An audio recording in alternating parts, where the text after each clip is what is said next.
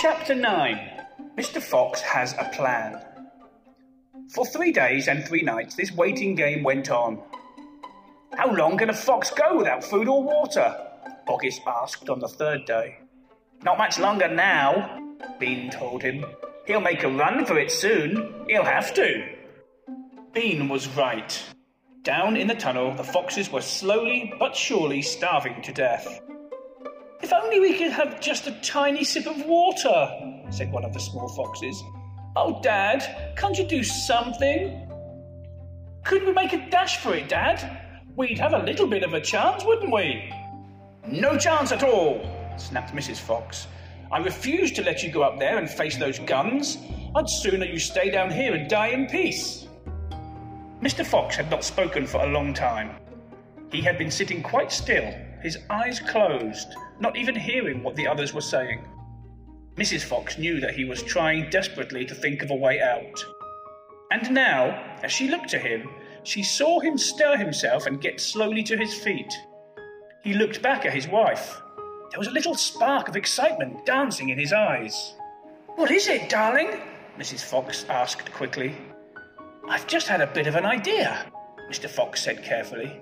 What? They all cried. Oh, Dad, what is it? Come on, said Mrs. Fox. Tell us quickly. Well, said Mr. Fox.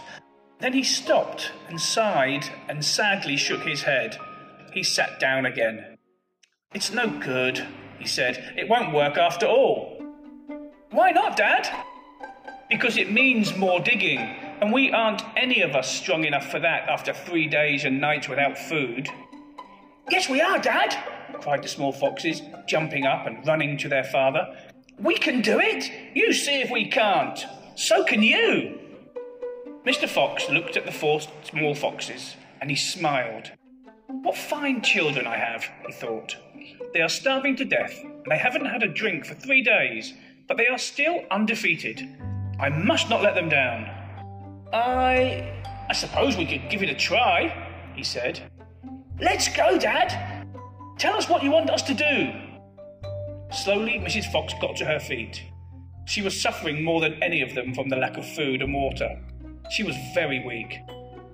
I'm so sorry, she said, but I don't think I'm going to be much help. You stay right where you are, my darling, said Mr. Fox. We can handle this by ourselves.